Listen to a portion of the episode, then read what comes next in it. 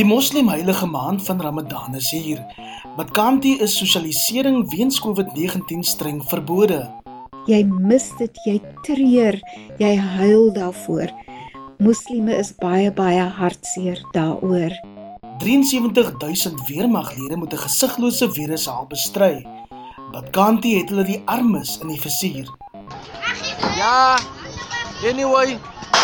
Jo. Wow. Jo. Jo. In jarra my bro. Ek sê my bro. Jo. Hospitale het ventilators nodig. Badkanti stel 'n minister seksspeelgoed voor. issues of uh, uh, personal protective equipment uh, that we are rolling out to all our hospitals, including issues of vibrators uh, that uh, we will need.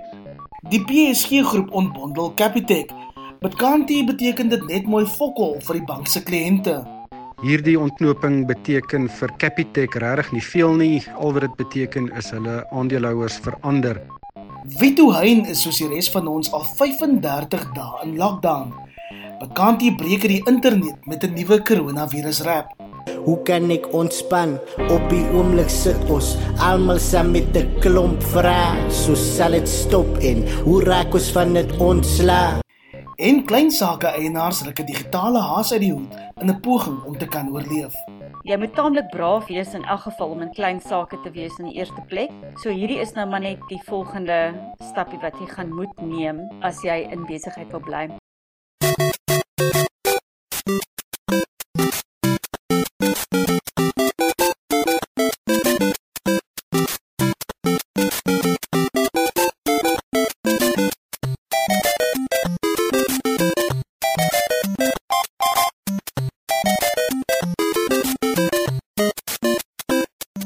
Welkom by episode 2 van Badkanti die Iwe Price Show.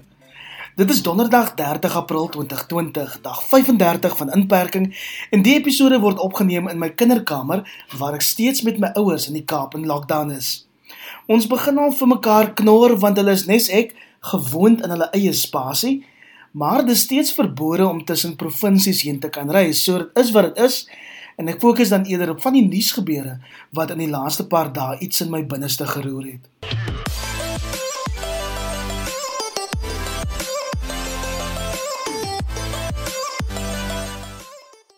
Moslimgelowiges het enkele dae gelede met die heilige maand van Ramadan begin. Die keer is daar egter 'n groot dilemma. En dit is selfisolasie in 'n tyd waar sosialisering mos amper heilig is. Ek praat met Shahida Kali, 'n kliniese sielkundige en ook aanbieder van die geloofsprogram Islam in Fokus. Ramadan is 'n baie heilige maand vir moslime. In hierdie maand vas ons in grootendeels bly ons sonder kos vanaf sonsopkoms tot sons ondergang. En dit is 'n vorm van aanbidding en opoffering wat ons doen vir ons Heer. So dit is so heilige periode vir moslime en gewoonlik wat ons doen is ons hou vir ons besig met gebede. Daar's baie sosiale dinge wat plaasvind. Jy gaan besoek jou bure, jy besoek jou familie. Daar's baie liefde wat gedeel word en daar's baie kosse wat gedeel word. Een van die dinge wat moslime wil doen in hierdie maand van Ramadan is om te gee, om te deel, om goed te wees met anders, om baie gebed op te sê en om ook te voel bewus te word van die honger te gevoelte wat jy het binne in jou wanneer jy nie eet nie. En dit is om empatie te ontwikkel sodat jy goed is teenoor mens wat minder bevoorreg is dat jy moet deel en dat jy almoes moet gee aan die armes. Daar's baie om te leer uit hierdie maand van Ramadan. Maar nou is ons in die periode van COVID-19 en die impak wat dit maak op ons as moslime is baie hartseer want jy kan nie jou families gaan besoek nie, jou geliefdes gaan besoek nie. Jy kan nie net uitgaan soos jy wil nie. As jy wil uitgaan om kos uit te deel en so, dan moet jy aansoek daarvoor doen en dit is so, jy weet oor die hele wêreld. So moslime is grootendeels geaffekteer deur COVID-19 en die beperkings wat ons nou mee moet saamleef, die inperking wat ons het en dat ons sosiale distansiering moet handhaaf. Jy waardeer nou meer dat jy eintlik naby jou mense moet wees, liefdevol moet wees teenoor jou familie, teenoor jou medemens, goed moet wees teenoor jou medemens. So dis so 'n les wat hierdie COVID-19 vir ons kom leer het en dis juis die deel van dat moslime teenoor die wêreld voel dat COVID-19 hou eintlik baie seëninge in van God. Die feit dat jy besef hoe belangrik dit is om gekonnekteer te wees te bly teenoor jou geliefdes en so aan en om te alle tyd goed te kan doen. Dit maak jou dink aan wie is ek? Wie wil ek wees? Wat is my verhouding met God? Wat is my verhouding met myself, met my medemens, met my familie? Is ek goedgesind teenoor hulle of nie? COVID-19 gee vir ons die geleentheid om te kan kontempleer wie wil ons wees om te reflekteer om regtig intern te kan konsentreer en om dan te beoog om te wil beter wees Shaira baie dankie vir daai belangrike perspektief en ek dink dis van toepassing op elkeen van ons of ons nou 'n moslim gelowige is, 'n Christen gelowige is of nie gelowige is nie in hierdie tyd van COVID-19.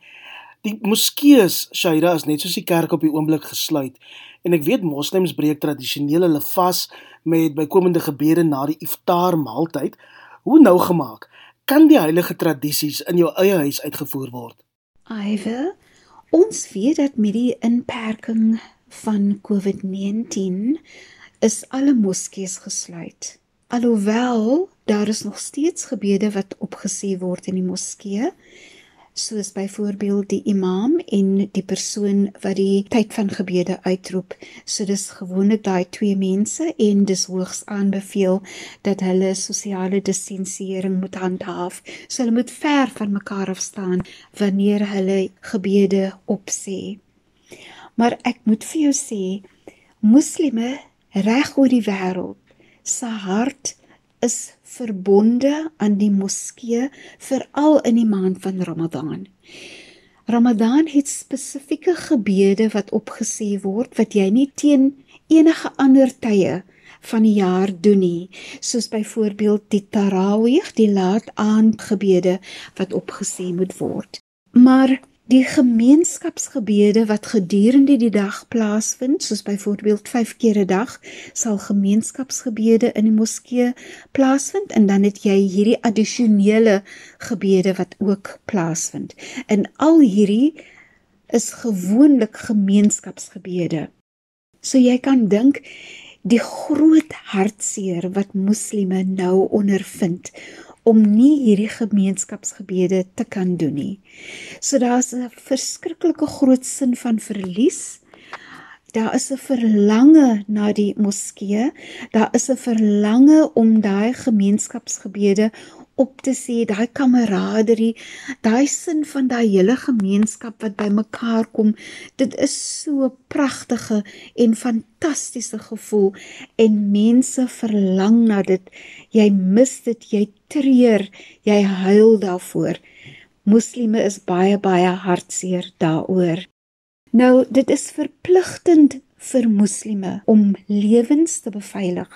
Jou eie lewe en ook die lewens van ander.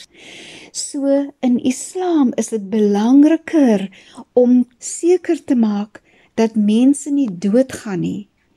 En dit is juis daai feit dat jy vir jouself kan sê dat wanneer ek by die huis bly, is ek eintlik besig om my eie lewe en anders se lewens te beskerm. Nou dit is 'n baie goeie gevoel. Dis 'n lekker gevoel En dan sien jy hierdie seëning van God man. Dat God gee vir jou hierdie hartseer en dan gee God vir jou hierdie gelukkigheid. Nog meer so gee God vir jou die geleentheid van dis amper soos God vir jou sê kom ons kyk net weer na charity begins at home a family who prays together stays together So nou het jy hierdie familie en jy vra my die vraag, kan hierdie gebede en wat ook al in die moskee plaasvind, kan dit ook by die huis plaasvind? En ja, dit kan. Net soos ons ons vas sou breek in die moskee, doen ons dit met ons familie by die huis. Daai hele familie sit om daai tafel. Hulle breek hulle vas. Hulle gaan dan en hulle gaan sê hulle gebed te saam op. Kan jy dink hoe dit die familie bymekaar bring? Kan jy dink hoe dit hierdie familie se gevoelens vir mekaar versterk, daai sin van een wees?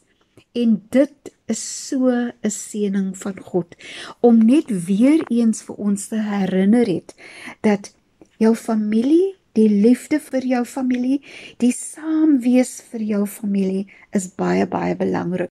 Ons sien weer eens Die feit dat die moskee gesluit is, hou vir ons ook seëninge in, al is dit van 'n ander natuur. Hoorie Shaida, maak die internet of tegnologie soos WhatsApp video-oproepe dit makliker om in die tyd met jou geliefdes kontak te hou. Weet jy hoe fantasties tegnologie is in hierdie tyd van alleen wees? So as ek dit op 'n persoonlike noot doen, Ek woon alleen in my huis, so ek is stoksiel alleen. Maar ek het nou geleer van van Zoom, van Skype, van WhatsApp video en al daai geselsies wat 'n mens kan doen. So, weet jy, ek is sommer van oor af lief vir tegnologie in hierdie tyd van alleen wees. En wat tegnologie regtig vir ons sê is ons hoef nooit alleen te wees nie. Maar veral in hierdie maand van Ramadan, wanneer jy so jou familie, jou geliefdes, die gemeenskap mis, weet jy as jy mense gesien het nie, dan gee mos vir hulle 'n stywe drukkie en nou is daar niks van daai nie, nê? En ek dink COVID-19 het net vir ons weer kom leer absence makes the heart grow fonder want jy verlang so na jou geliefdes regtig. So vandag het ek byvoorbeeld 'n lysie gemaak van al die mense na wie ek 'n WhatsApp video oproep sou maak. Gepraat met 'n niggie en 'n broer en 'n kind en 'n buurvrou en 'n pel en dit was net lekker. En regtig jy waardeer dit net so. Ek het spesifiek gekies om video oproepe te maak want ek wou net vir hierdie mense sien. Ek het hulle so lanklaas gesien en dit was net lekker hoor. Gedurende die maand van Ramadan is daar 'n sommetjie geld vir ons moslime verpligtend is om aan die minder bevoorregte mense te gee in die maand van Ramadan. Dit is behalwe dit wat jy gee omdat dit jou keuse is om te gee. Wat so fantasties is is dat jy van jou selfoon af hierdie sommetjie geld aan wie ook al jy dit wil gee of wil stuur dat jy dit kan doen. Dit maak dit net soveel makliker in hierdie tyd van COVID-19. Ons is regtig geseën met tegnologie. Die kliniese sielkundige en radiopersoonlikheid Shaida Kali En terwyl die land asem ophou dat sy gesondheidstelsel by komende COVID-19 druk sal kan hanteer, het die minister in die presidentskap, Jackson Tembo, die week vir 'n komiese oomblik gesorg. Issues of personal protective equipment uh, that we are rolling out to all our hospitals, yeah. including issues of vibrators uh, that uh, we will need for those that will need serious attention in ICUs. So daar het jy dit minister Mtembo reken ons COVID-19 pasiënte het vibrators eerder as ventilators nodig. En vir die onskuldiges onder ons, 'n vibrator is 'n speelding wat hoofsaaklik gebruik word om seksuele plesier te verskaf.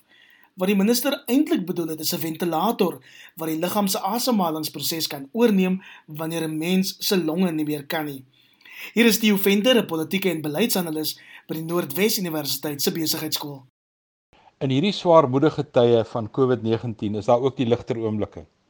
En ons agbare minister in die presidentskap Jackson Ntembu het 'n Freudiaanse glipsie gemaak en ventilator verwar met 'n vibrator. En hierdie glipsie het my aan so vier dinge laat dink.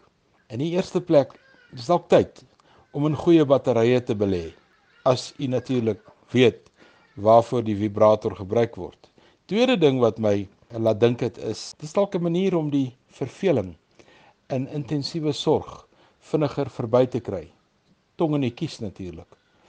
En dalk moet ons in die derde plek Donald Trump se raad volg en die instrument net behoorlik ontsmet voor hy gebruik word en die vierde een is ek dink as ons vibrators versprei soos wat die agbare minister voorstel moet ons dalk net 'n waarskuwingkie daarop sit amper soos die waarskuwing op die sigaretpakkies dat vir oues van daai kan die instrument dalk tot kort asem lei.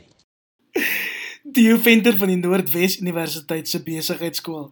En jy luister na Badkanti die Iver Price Show eksklusief te hoor op Apple Podcasts, Spotify en Google Play Music.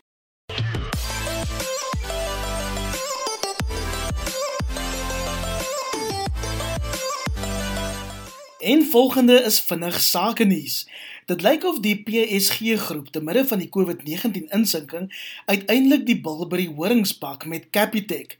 Ek wou bereik van die kerk, die redakteur van Moneyweb hoor, wat 'n volk 'n moontlike ontbondeling van Capitec vir die bank se 6.2 miljoen kliënte kan beteken. Die ontknoping van Capitec uit die PSG groep is glad nie 'n verrassing nie, dis al lankal verwag. Capitec is 'n reuse bate en is by verre die grootste bate binne die PSG groep en aandeelhouers in PSG uh, sal baie meer waarde daaruit kry as hulle self die aandele in Capitec besit.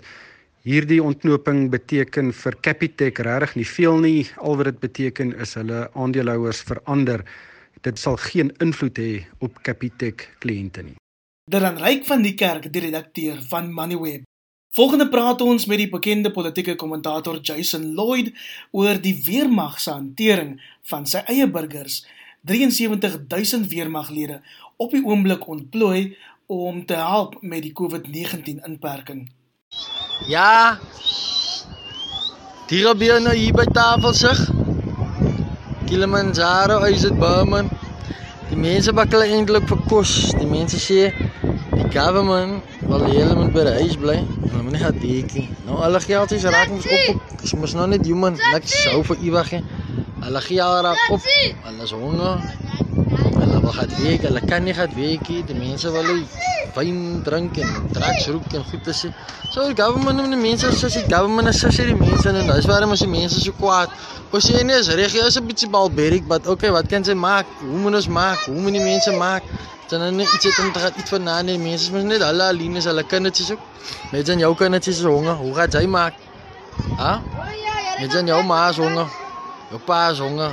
Jy het niks om vir hulle te gee nie. Jy kan nie gaan werk nie. Jy miskien nog het in jou huis en jy's fortunate, miskien 'n paar rande in die bank en ha?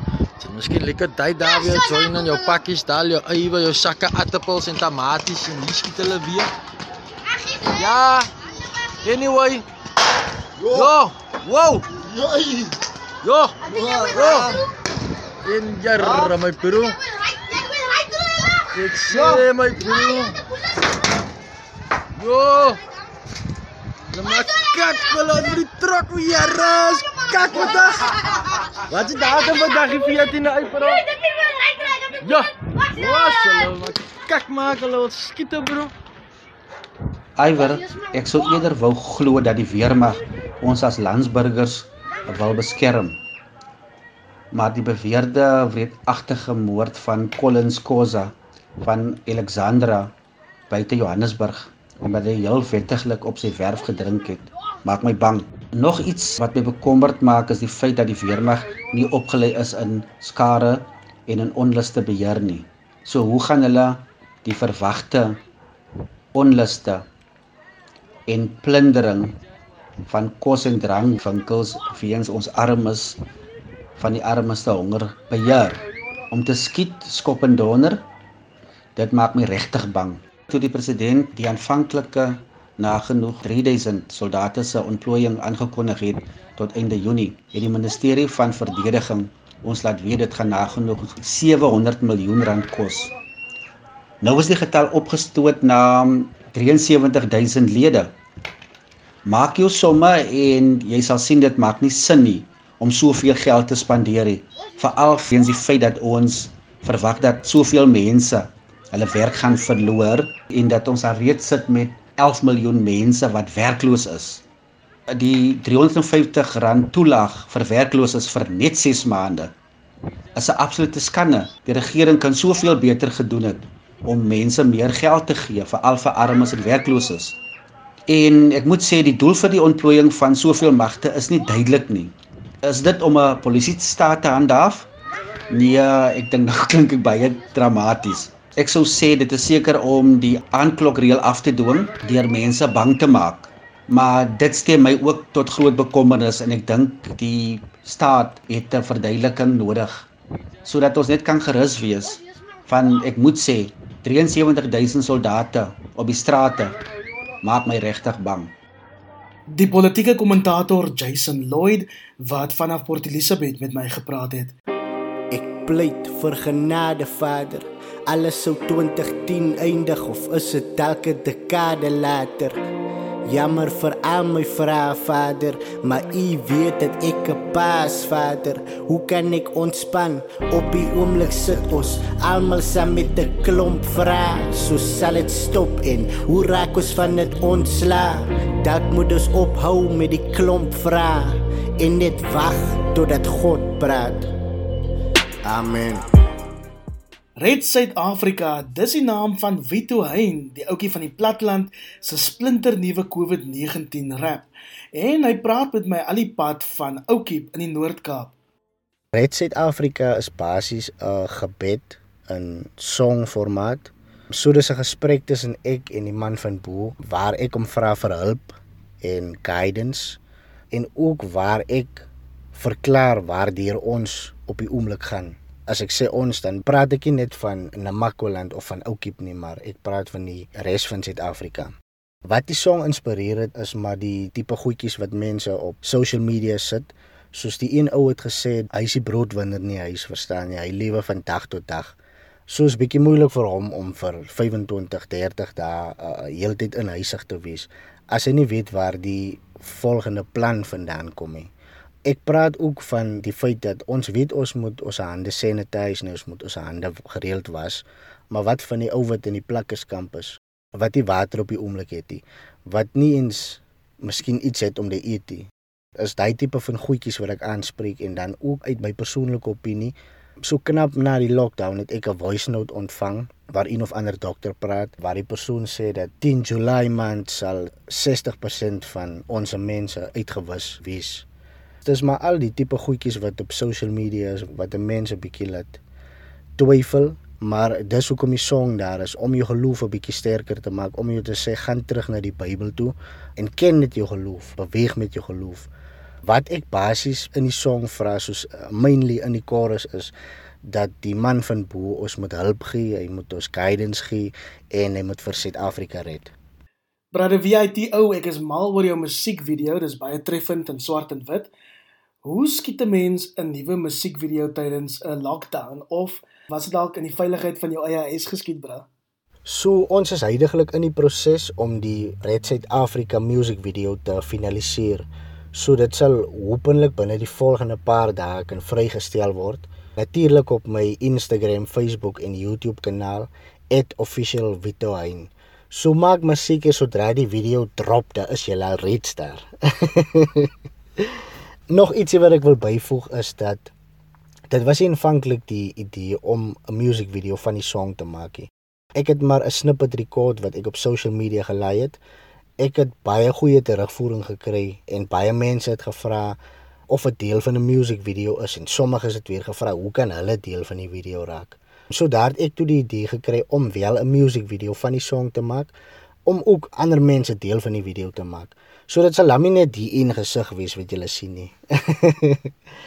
en ek dink is redelik maklik vir 'n kunstenaar of basies vir enige iemand om 'n video in die lockdown tyd te maak.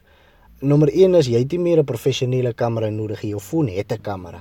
Almal het foons en almal se foons het kameras. Wat die editing program betref is sommige ouens het mos nou maar professionele uh, programme, maar dan kry jy ook so Play Store wat jou toelaat om apps te download waar jy maar net jou videoklips kan aan mekaar sit om jou musiekvideo te voltooi. So basies moet ons maar net gebruik wat ons het. Is dit nie moeilik om in die dae van afsondering as 'n kunstenaar bestaan te maak nie, Vito? En hoe gebruik jy tans jou tyd om die beste van 'n slegte ding te probeer maak as dit enigstens moontlik is? Kyk, Iwer, dis maar 'n moeilike enetjie vir ons almal. Ek sal sê vir al vir kunstenaars want ek het 'n hele paar gigs gehad wat in die tyd sou afgekom het. Sommige gigs is uitgestel, sommige gigs is afgestel. Dis ook een van die redes hoekom ek die song gemaak het, Red Suid-Afrika.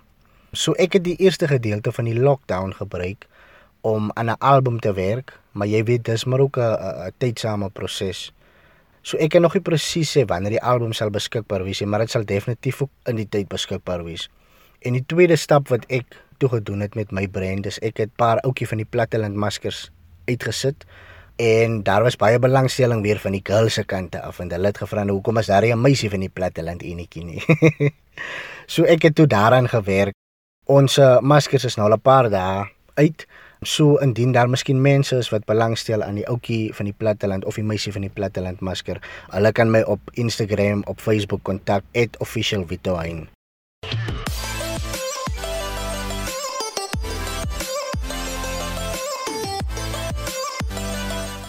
Voor ek groet maak ek volgende draai in die Parel en ek praat met Ronel Lourens. Sy is die uitvoerende hoof van Yeah Baby Digital, 'n digitale en bemarkingsagentskap wat op die oomblik soveel klein sake ondernemings help om na COVID-19 te oorleef. En ek skat eintlik ook gedurende hierdie pandemie. Ek wil heel eers by Ronel hoor of dinge ooit weer dieselfde sal wees of is wat ons tans beleef dalk die nuwe normaal. Weet jy Iver, ek het nou weer vandag 'n stukkie gelees en ek vermoed hierdie virus gaan nog lank draaie met ons loop. En gelukkig lyk dit asof Afrika nie heeltemal so geaffekteer gaan wees soos die res van die wêreld nie. Maar ons gaan moet voorbereid wees en besigheid gaan moet voorbereid wees om gereeld in lockdown te gaan, verskillende vlakke van lockdown en so voort. So dis die nuwe normaal vir die volgende jaar ten minste as ek moet raai. En as die eienaar van 'n maatskappy wat digitaal lewe, hoe was die lockdown tot dusver vir jou? Vir ons was dit eintlik maklik om te skuif van kantoorspasie na huisspasie. Ons was reeds op die cloud, alles is eintlik reeds opgestel gewees en almal het net na hulle huise toe gegaan en dit was maar besigheid soos gewoonlik. Ons moes bietjie meer gewoond raak hoe praat jy met mense met mekaar aanlyn want jy kan nie gesigsuitdrukkings lees en so aan nie. Jy kan as jy die video gebruik van jou komputer. So vir ons was dit eintlik maklik, vir ons van ons kliënte was dit nou nie so maklik nie en dis waar die invloed op ons plaasgevind het. Ervaar jy met ander woorde dat kliënte wat al beter gedigitaliseer het hierdie verandering van COVID-19 makliker ervaar?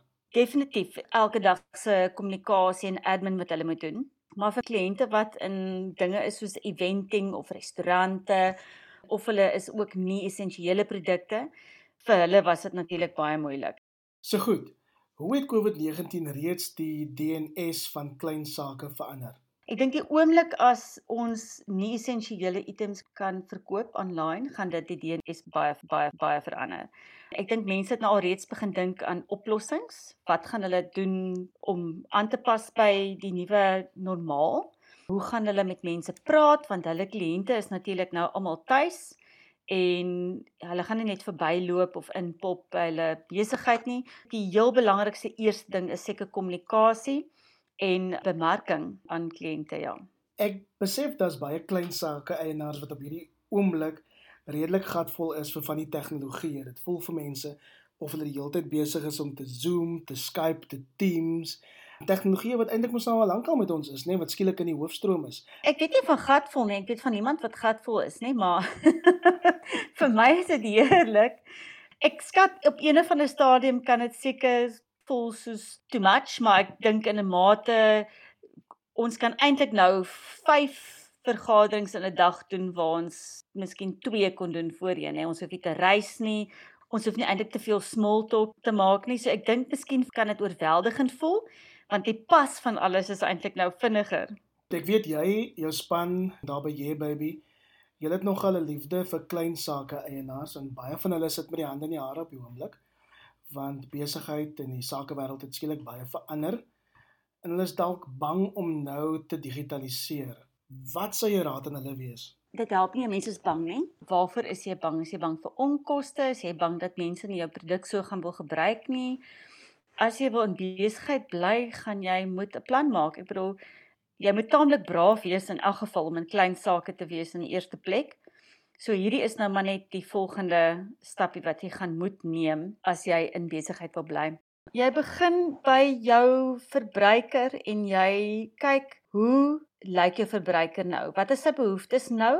Waar is hy nou? Hoe kan jy met hom kontak maak? Gaan hy dalk jou produk op 'n ander manier gebruik? Hoe kan jy dit beter aan hom lewer? Miskien is daar nou minder mense wat gaan jou produk wil gebruik, so dan gaan jy moet dink, okay, as ek slegs aanlyn kan kommunikeer of hoofsaaklik aanlyn kan kommunikeer, my besigheid gaan kleiner wees. So ek gaan dalk my mense moet verminder. So jy begin by wie is my kliënt? Waar is hy? Hoe gebruik hy my produk? Hoe lewer ek dit aan hom? Hoeveel moet dit kos om dit om sinvol te maak? En jy werk amper alles weer van voor af uit. Niemand kan presies sê wat gaan gebeur nie, maar ek het toevallig 'n baie interessante stukkie gelees van die internasionale monetaire fonds vandag wat sê dit lyk asof Afrika die pandemie baie beter hanteer as baie ander lande. Dan mag dalk ook negatiewe sentiment teenoor China wees hierna dat dit eintlik dalk 'n geleentheid is vir Suid-Afrika en vir Afrika om weer terug te tree in produkte. So as ons entrepreneurs en ons besigheidsmense kan reg wees om van daardie produksie oor te neem, kan dit eintlik 'n geleentheid wees. Ronald Lourens, die uitvoerende hoof van Ye Baby Digital, gaan check hulle uit op www.yebaby.co.za. Dis e e h b a b a.co.za. Dit bring ons aan die einde van episode 2 van Badkanti die Iver Price Show. As jy daarvan gehou het, deel dit asseblief met jou vriende, jou vyande, jou familie op WhatsApp, Twitter, Facebook, Instagram, waar jy ook al wil. En ek dink dan net hoe ongelooflik is dit eintlik Hoe geseënd is ons nie dat ons in hierdie tyd kan besef dat die woord donderdag tydens 'n lockdown rym met die woord bier. Cheers, tot volgende week.